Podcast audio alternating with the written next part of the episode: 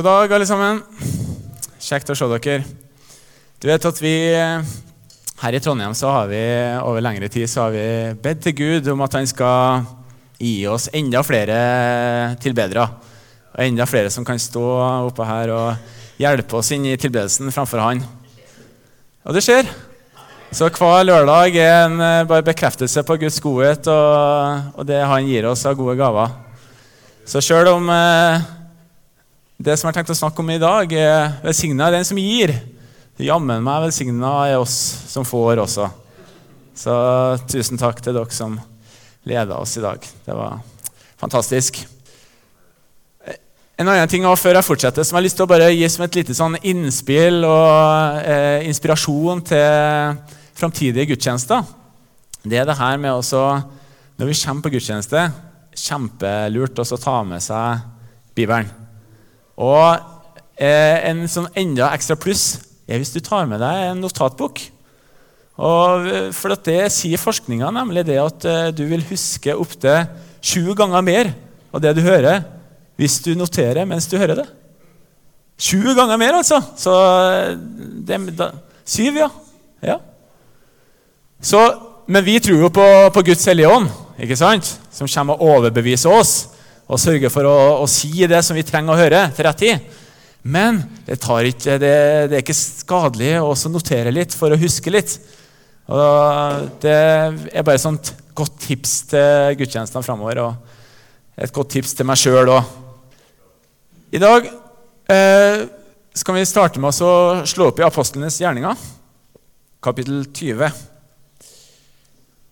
Da leser vi fra vers 33. Jeg har aldri vært ute etter sølv eller gull eller klær fra noen. Dere vet selv at disse hendene har skaffet meg og medarbeiderne mine det vi trengte. Alltid har jeg holdt fram for dere at vi må arbeide på denne måten og ta oss av de svake. Husk de ordene Herren Jesus selv sa. Det er saligere å gi enn å få. Dette er altså da Paulus eh, sine ord. Paulus han er altså nå på sin tredje misjonsreise. Han har to misjonsreiser, og nå er han på vei tilbake til Jerusalem fordi han opplever at Gud kaller han til å dra tilbake. Og Han vet også hva som venter han i Jerusalem. Det er, det er fangenskap. Likevel så gjennomfører han denne reisen. Og akkurat eh, der vi leser fra nå, så befinner han seg i eh, Miletus, som ligger like sør for Efesos. Han har ikke lyst til å bli borthefta, så derfor så drar han ikke innom Efesos. Men han kaller på de eldste i Efesos. 'Kom hit til meg, så skal jeg ta så Jeg har noe jeg har lyst til å dele med dere.' Og det er, med, det er, ikke med, bare sorg og vemod at Paulus har sin siste tale med efeserne, som han har brukt så mange år sammen med. Men han har et budskap om håp, om det som skal komme. Eh, og de siste ordene som han da sier til feserne, det er Husk på de ordene Herrens Jesus sjøl sa. Det er saligere å gi enn å få. Og Han sier da 'husk de her ordene'. Det betyr at eh, han har snakka om det her før. Men han minner dem på dem igjen. Husk på det her. Det er saligere å gi enn å få. Nå er det jo sånn at dette ordet 'salig' er jo ikke et sånt ord vi bruker i hverdagen. Jeg vet ikke hvordan det er på ungdomsskolen eller videregående eller på jobben deres. Jeg tror det er noen som ville ha skvetta litt hvis jeg hadde sagt at det var en salig dag i dag. Men eh, ordet 'salig' det, Når det står i Bibelen, så det, betyr det altså at vi er velsigna av Gud. Å være salig det er å være velsigna av Gud. Og Man kan også si at det er fullt av dyp, intens lykke. Fullkommen lykkelig. Det er ikke noe, det er ikke noe tvil om at det her er veldig bra. i hvert fall. Det å være salig det er gode saker. Men vi kan også ta inspirasjon fra, fra den engelske versjonen, som sier It is more blessed to give than to receive. Det er mer velsigna å gi enn å få. Wow. Det skal vi se litt nærmere på, på i dag. Hva vil dette si for oss? La oss se på utgangspunktet til Paulus. Jo, Paulus han reiste rundt, og han ga av det som han hadde fått. Og hvorfor kunne han gå? Gi? Jo, det er fordi vi elsker fordi han elska oss først. Det var apostelen Johannes sine ord. Det var det han skrev. Vi elsker fordi han elska oss først. Og Det var utgangspunktet til Paulus når han for rundt og reiste og forkynte evangeliet. Han hadde blitt elska, han hadde blitt gitt livet. Derfor så hadde han mye å gi til de andre. Han elska fordi han var elska først av Gud. Og Hele livet til, til Jesus og det vi, leser om i Bibelen, er et budskap om en Gud som elsker oss, og som gir. Han ga sin sønn. Han la seg ned på gulvet og vaska disiplene sine føtter. Han ga av sin tid. Han ga av sin eh, kraft til de andre. Han var en giver. Det er det ikke noe tvil om. Og Nå lever vi i en, eh, i en tid som er litt sånn som rokker litt ved oss. Rentene de er på vei opp. Matprisene er på vei opp. Det meste blir dyrere. Og vi kjenner litt på det at, eh, at samfunnet det, det skjelver litt. Hvordan skal vi forholde oss til det her, og samtidig holde oss fast på Jesus sine ord som sier 'Velsigna er den som gir'? Og det er Av og til vi føler at, eh, at bankmennene sitter på bakrommet og gir, folk, eh, gir hverandre high fives fordi det går så bra. Eh, og det er ikke sånn at det er bare de voksne det går utover. Til og med energidrikkprisene er på vei oppover. Så til og med dere ungdommer slipper ikke unna. Sånn er situasjonen. Og den situasjonen som vi må eh, møte den, Av og til så kan vi føle at det her er meningsløst. At vi blir litt motløse.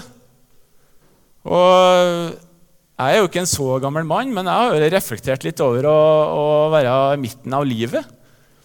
Og jeg tenkte at jammen meg, ikke, jeg har ikke mange år igjen av livet mitt.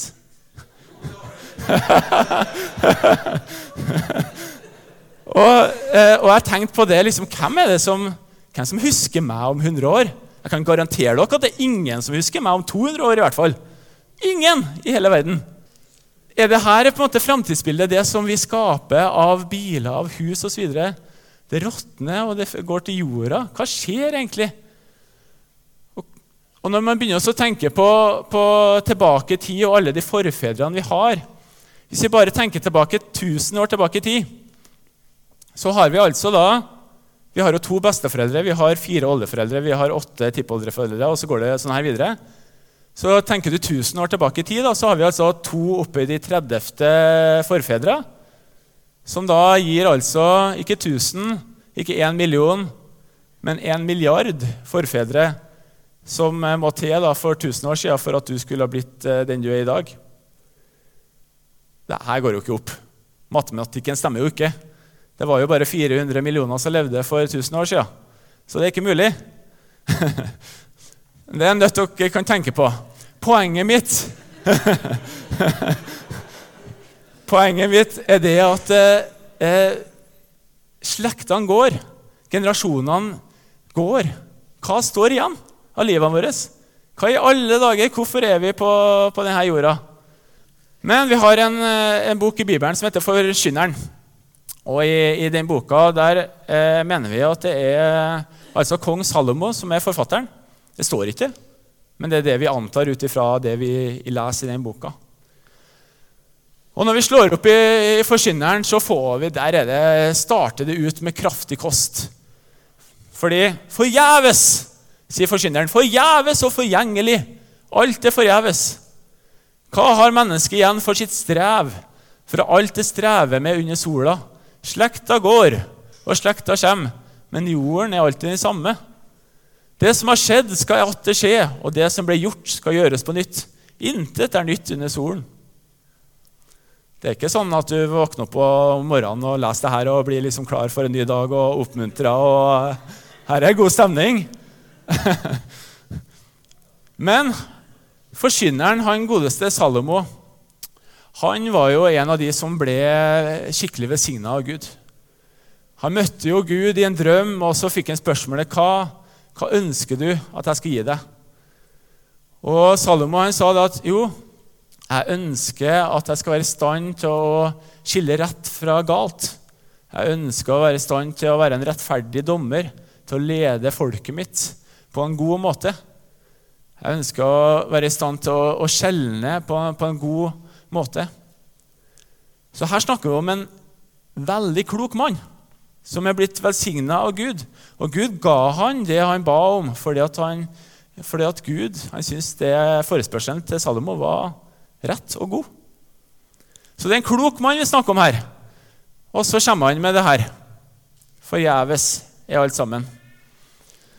Men når vi fortsetter å lese i, i Forkynneren, kommer vi til kapittel 3, da sporer vi et glimt av håp. Jeg skjønte at ingenting er bedre for dem enn å glede seg og nyte det gode livet.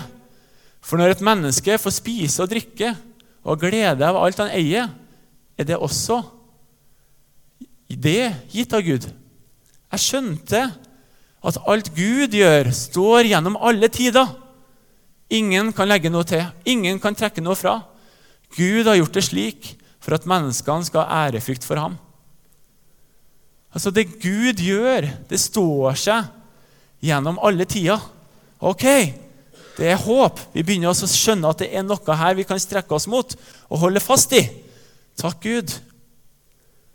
Så kommer vi til siste kapittelet kapitlet i Forkynneren, der han summerer opp det hele. Men ellers, min sønn, ta deg i vare det er ingen ende på de bøker som skrives, og mye granskning gjør kroppen trett. Ja, ja, Det kan være en trøst av og til når du er på den 50. Eh, boka di og du begynner å bli lei av å studere, og at det er en av de klokeste mennene som har levd, sier at eh, 'jeg skjønner det'. At det kan bli litt mye av og til. Og Da kommer han da til konklusjonen. Ok, Selv om du er trett av det du leser, det her er summen av alt du har hørt. Frykt Gud og hold Hans bud. Dette gjelder for alle mennesker. For Gud skal dømme hver gjerning, holde dom over alt som er skjult, enten det er godt eller ondt.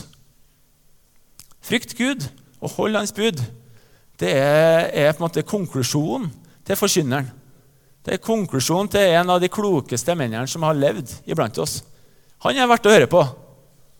Han summerer det opp på den måten. Ok, greit. Frykt Gud og hold Hans bud. Jeg er med. Men hva betyr det, da? Jo, det, det, kjenner vi igjen fra det som Jesus har sagt til oss. Og han sa det på, eh, igjen og igjen. Ikke bare ved det han sa, men også ved det han gjorde, og på den måten han ga. Og han sa, 'Og dette er mitt bud.' Dere skal elske hverandre som jeg har elsket dere. Dere skal elske hverandre som jeg har elsket dere. Hvordan i alle dager skal vi klare det? Jo, vi elsker fordi han har elska oss først. Når vi tar imot det Jesus har gjort for oss, når vi tar imot det han har gjort, da kan vi jo klare å elske de menneskene som er rundt oss. Jeg har lyst til å eh, dele en, eh, en, eh, en, historie om en mann som mange av dere som er litt eldre, kjenner til. En mann som valgte å gå et skritt lengre og påta seg fare for det å gi Guds budskap og Guds kjærlighet videre til andre mennesker. Og hans navn er David Wilkerson. David Wilkerson han er en amerikaner. Men vi skal først skal jeg introdusere dere til en annen kar som heter for Nikki Cruise. Nikki Cruz han var en, eh, en, kar som vokste opp i Costa Rica, like sør for eh, USA. Og Nikki Cruz han hadde en veldig voldelig familie, og mora hans kalte han for Satans barn. Så det var ikke en veldig trivelig oppvekst han har. Så når han var 15 år, så flytta han til USA og New York og Etter kort tid der så ble han altså da medlem av eh, en av gjengene i, i New York som heter Mau Mau, og ble leder der seks måneder etter at han ble med i gjengen. Og Han var kjent for sin voldelighet, han var kjent for å være en mann som, som, eh, som hata. Og I det området der denne gjengen eh, med Nikki Cruise som gjengleder var, der var det en mann, en evangelist som het for David Wilkerson, som, som eh, var til stede. Og Han hadde et kall fra Gud om å nå ut til Mao Mao-gjengen. Så han gikk og besøkte eh, Nikki Cruise og, og, gjengen hans og, og forkynte et budskap om at Gud er kjærlighet. Han elsker dere. Og det her var veldig provoserende for Mao Mao-gjengen og for Nikki Cruise, som var fylt av så mye hat og vold. Og en av de, eh, en av de gangene når eh, David Wilkerson kom til kom til Nikki Cruise, så ble Nikki Cruise så provosert at han slo han i ansiktet. Og så sa han hvis ikke du går, så skal jeg drepe deg. Og David Wilkersons eh, famøse svar var det at du kan dele meg opp i tusen biter. Likevel så vil hver eneste av de tusen bitene elske deg. Det her gjorde noe med Nikki Cruise. Det rørte ved Nikki Cruise. Så to uker etterpå så hadde David Wilkerson en, eh, en, samling på en boksestadion i New York der han inviterte folk rundt. og Da kom det her Mao Mao-gjengen. De kom der egentlig for at de hadde noe uoppgjort med, med Wilkerson og ville ta et oppgjør med han. Men når de kom der, så ble de, eh, ble de møtt av de, det budskapet som eh, Wilkerson nok en gang hadde til dem. Og da det var tid for å, å gi offer, så ba han Mao Mao-gjengen kan dere gå rundt med offerkurvene og ta inn pengene. Og det gjorde de. De gikk rundt med pengene, og når de hadde samla inn pengene, så så jo Nikki Cruise at her er det en vei ut. Jeg kan springe av gårde med pengene. Men likevel var det noe som fortalte han at nei, jeg skal bli, jeg skal bli værende. Og Den kvelden når Brian Wilkinson eh, ga alle en anledning til å komme fram og gi livet sitt til Jesus, så gjorde Nikki Cruise det sammen med mange andre av gjengen sin. De gikk fram og de ga livet sitt til Jesus og ble frelst. Dagen etterpå så gikk de med, med våpnene sine inn på politistasjonen i New York og leverte alt ifra seg. Og Politimennene sa at hvis de eh, ikke hadde blitt så overraska, så tror de at de hadde tatt av skutt før de hadde spurt hva som, var, som foregikk. Så berykta var denne gjengen. I dag så er Nikki Cruise en evangelist som reiser rundt og deler evangeliet med mange. Alt fordi at en mann som var grepet av Guds kjærlighet, hadde forstått det at jeg elsker fordi han elska meg først. Så Guds bud, så det at mitt kall er å elske min nabo, dem som er rundt meg. Og Så gikk han ut til de som var fortapt, dem som var ute på gata og streda, og han delte evangeliet og delte Guds kjærlighet med dem, sånn at de fikk vendt livet opp ned og fikk håp og tro og et nytt liv. Det her med å møte, eh, eh, møte folk som vi eh, treffer i hverdagen, som kan virke ond og vanskelig, med kjærlighet og Guds kjærlighet, det er noe som, som kan se ganske annerledes ut enn måte, den flotte historien her.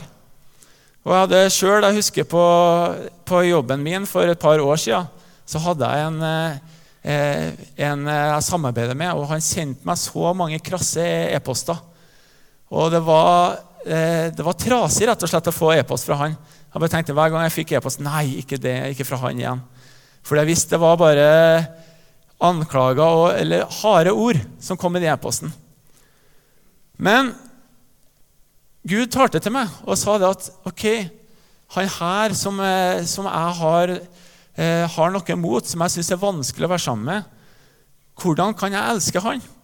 Jo, det var van veldig vanskelig å, for meg å elske han som fysisk. Han bodde i Danmark.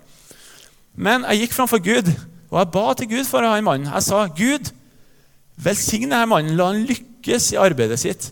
La han få oppleve at uh, han får framgang. La han få oppleve et møte med deg.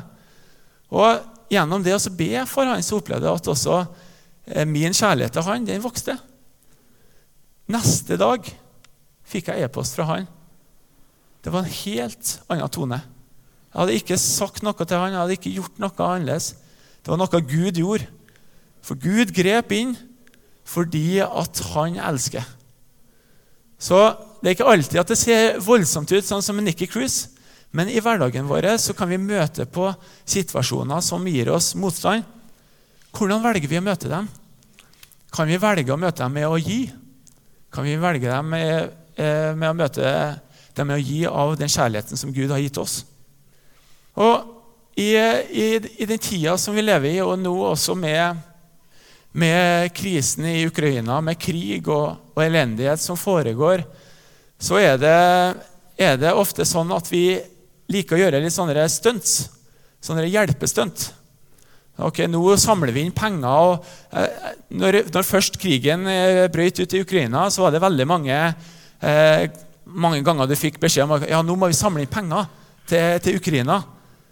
Og så har du kanskje merka det at eh, både interessen for å gi og interessen i media den har dalt litt.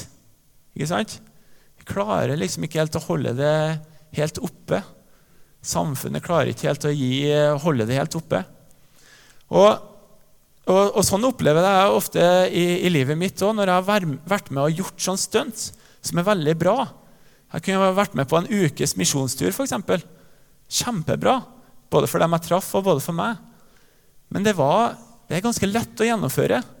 Det er ikke det vanskeligste å gjennomføre. Eller en sånn enkeltsamling. Kanskje det å dra på gudstjeneste. Klarer på en måte å ta meg sammen i, i to timer på å være på gudstjeneste og gi folk et smil. Og jeg har tenkt av og til hvordan er det, er det egentlig når, når, vi drar på jobben? Det her har jeg reflektert mye over sjøl. Derfor så sier jeg det til, veldig frimodig til dere. Og sånn ser jeg ut når jeg kommer på jobb. Det er, det er, god stemning. Og så, da, når jeg kommer hjem og spiser middag Da sitter jeg der mutt og spiser og sitter i mine egne tanker. Jeg bare tenker hvem i alle dager er det jeg gir mitt beste til? Hvem i alle dager er det som får det beste av meg? Jeg føler jeg mister, jeg bommer litt på målet, rett og slett i hvordan jeg lever livet mitt hvis det er de hjemme som skal få, få den sure Sindre, og så skal de på jobben få den glade? Eller dere ungdommer, da. Kommer på skolen, ungdomsskolen, videregående. Føler dere kule. Eh, det er god stemning. Men så kommer dere hjem. Og så kommer gamle tralter opp fra, fra, fra barndommen der man er både mutt og ikke gir eh, av det man har. Hvordan skal vi komme til et steg der vi klarer å bære et hverdagsliv der vi gir til de som er rundt oss, og kanskje aller mest til de som er oss nærmest? Det lurer jeg på. Og jeg tenker å si det til meg sjøl hvis det blir sånn at livet er på denne måten at det er de nærmeste som får det verste, og de de som er lengst unna, som får det beste, da tenker jeg at vi må gjøre litt om på ting. Da tenker jeg at, må, at vi må stoppe opp litt og spørre oss sjøl hva er det vi prioriterer, og hvordan er det vi, hvordan er det vi lever livet vårt? Og lar oss utfordre litt. Kanskje vi må være mindre blide på jobben, da, sånn at vi har igjen litt til de, de, de hjemme. Er det sånn det skal være? Eller kan Gud gi nok til, til at vi er til stede begge plassene? Men vi må finne en vei i det. Vi må finne en vei i Gud, for vi skal ikke være, skal ikke være et folk som går rundt og sliter oss ut, men vi skal være et folk som med glede gir av det vi har. Og Dette er et av mine favorittbilder. Eh, fordi eh, han, eh, storebroren han, han svarer bare når, på spørsmålet om er ikke tungt å gå rundt på lillebroren din. Så sier han nei. He ain't heavy. He's my brother. Han er ikke tung. Det er jo broren min. ikke sant? Det å bære rundt på hverandres byrder og, og, gi av det vi sjøl har til andre, Hvordan kan vi komme til et steg der det ikke er en byrde, men det er en glede? Det er min bror, det er min søster. Jeg gjør det her. Det er de jeg lever livet for. Og jeg viste dere nettopp nå eh, fra, fra Forkynneren. Frykt Gud og hold Hans bud, var oppsummeringa til Forkynneren. Og budet var dere skal elske hverandre som jeg elsker dere. Og så står det videre Og ved dette skal alle forstå at dere er mine disipler. At dere har kjærlighet til hverandre. Er ikke det et fantastisk eh, fint ord?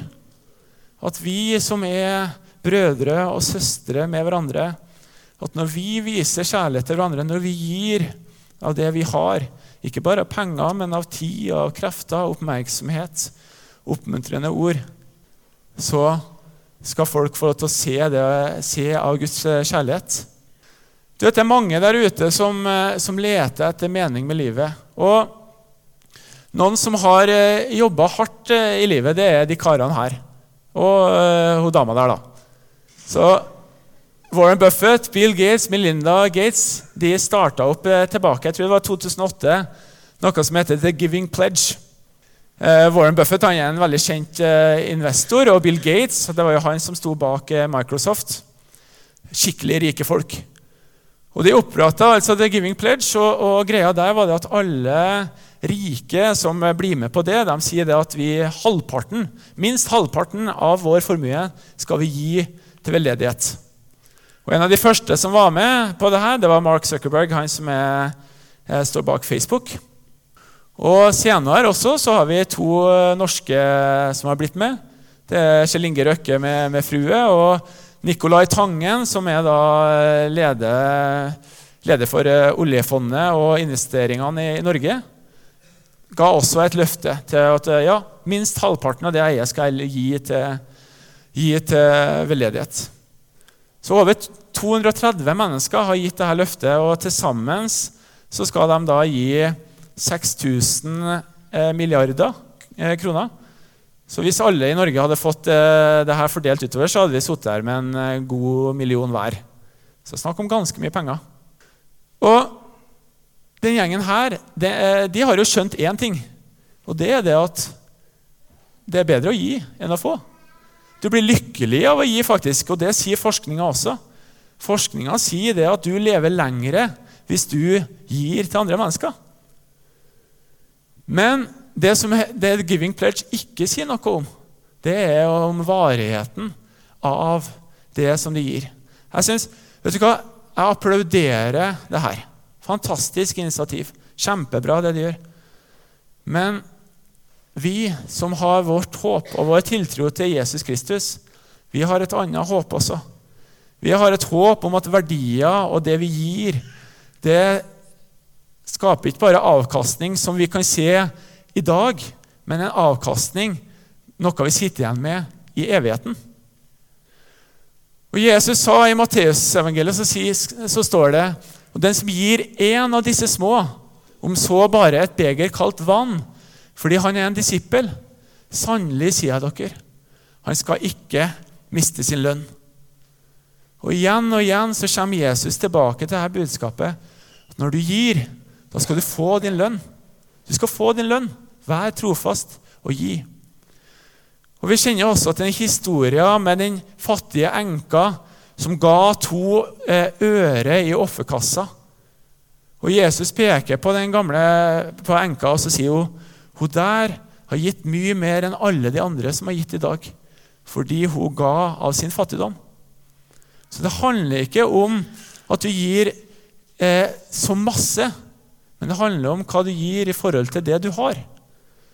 Og Det var også et av de budskapene vi hørte fra Terje forrige gudstjeneste. At du gir av det du har. Du kan ikke gi av noe annet enn den nåden som du har fått. Og Det er det du vil stå ansvarlig for også. En annen fantastisk ting med det, eh, hvis vi forstår det, at når vi gir, så får vi. Og når vi gir, så skal vi få vår lønn. Det er det at vi plutselig kan bli som han her. Vi tar imot gaver på en god måte. Fordi du må huske det at når, når noen av brødrene og søstrene dine gjør noe godt til deg, så blir de mer velsigna enn du. Hvis vi skal tro Jesus' ord. Sant? Så hvis noen kommer på døra med tre pizzaesker, så sier du 'ja takk'. Takk, Gud. Og så tenker du 'jammen meg, han der blir velsigna', altså. Han er heldig. Og så kanskje neste gang tenker du 'jammen, neste gang skal jeg ta med pizzaen, for jeg har lyst til å bli så velsigna som han'. Så det blir en, vi, vi skaper en kultur iblant oss, en giverkultur, for at vi forstår det at den som gir, han er velsigna. Det er en stor velsignelse å gi. Og Jeg husker en gang jeg og Stina vi, når vi var studenter oppe på Moet studentby. Og Vi fikk en e-post e av eh, svigerfar. og Som hver gang når svigerfar sender e-post, så går den fort opp. Og Den eh, blir trukket fram og, og, lest. Og Jeg kunne nesten ikke tro det jeg så i e-posten. Og Der eh, sto det altså i e-posten det at eh, eh, svigerfars venn eh, hadde ringt eller snakka med svigerfar og sagt det at jeg har en bil til overs. Og jeg opplever at Gud sier at jeg skal gi bort den bilen. Har ikke du noen døtre som kunne trengt denne bilen? For Guds veier er uransakelige. Jeg skjønner det ikke. Og Da var vi i en situasjon her i Moholt. Vi hadde lånt, eh, lånt bil i en periode. Men så hadde vi tenkt nei, nå fremover, nå skal vi klare oss med bussen. Og Vi hadde planlagt den kommende helga å kjøre ned denne bilen tilbake til Vestlandet. Og så fly oppover igjen og, og klare oss med buss. Og så får vi denne e-posten. Og det ender da opp med at når jeg, når jeg da kjører ned bilen som vi skal levere tilbake Vi snakker samme uke her. Så istedenfor å ta da flyet oppover, som jeg allerede har kjøpt billett for, så kjører jeg den velsigna bilen opp til Trondheim, som blir en stor velsignelse for oss. Og jeg hadde, jeg hadde var gråten i halsen når vi måtte til slutt sende det her på bilopphuggere. Fordi det var en gave fra Gud, og vi hadde blitt så velsigna. Men igjen Han som ga, var enda mer velsigna enn oss. Det er saligere å gi enn å få. It is more blessed to give than to receive.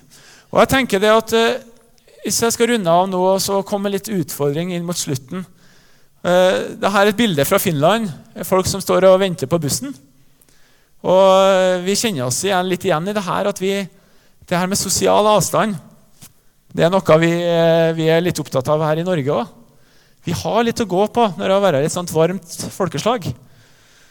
Eh, og, og, jeg kjenner meg igjen i Homer her av og til. at eh, Av og til så når jeg liksom, eh, noen settinger, så har jeg bare lyst til å forsvinne inn i hekken og være litt sånn usynlig. Men jeg har lyst til å utfordre dere litt til det her med å, med å gi. Ikke bare gi av pengene, men gi av dere sjøl. Gi av deres tid, gi av deres oppmerksomhet. Dere som er, som er eh, ungdommer, dere som er studenter. Ta, så gå og prat, ta en prat med noen voksne. De vil sette pris på det. De vil føle seg velsigna. Dere voksne, ta prat med ungdommene, med studentene, med barna. For det er ikke bare noen som blir velsigna, men vi alle gjør det når vi gir av det vi har, til hverandre. Og jeg vil foreslå det. Hva med altså, når du våkner opp om morgenen og så spør Gud, Herre, hva kan jeg gi i dag? Og så vet vi det at eh, det som Gud har sagt, er at den som gir, er mer velsigna enn den som får. Derfor kan vi være frimodige.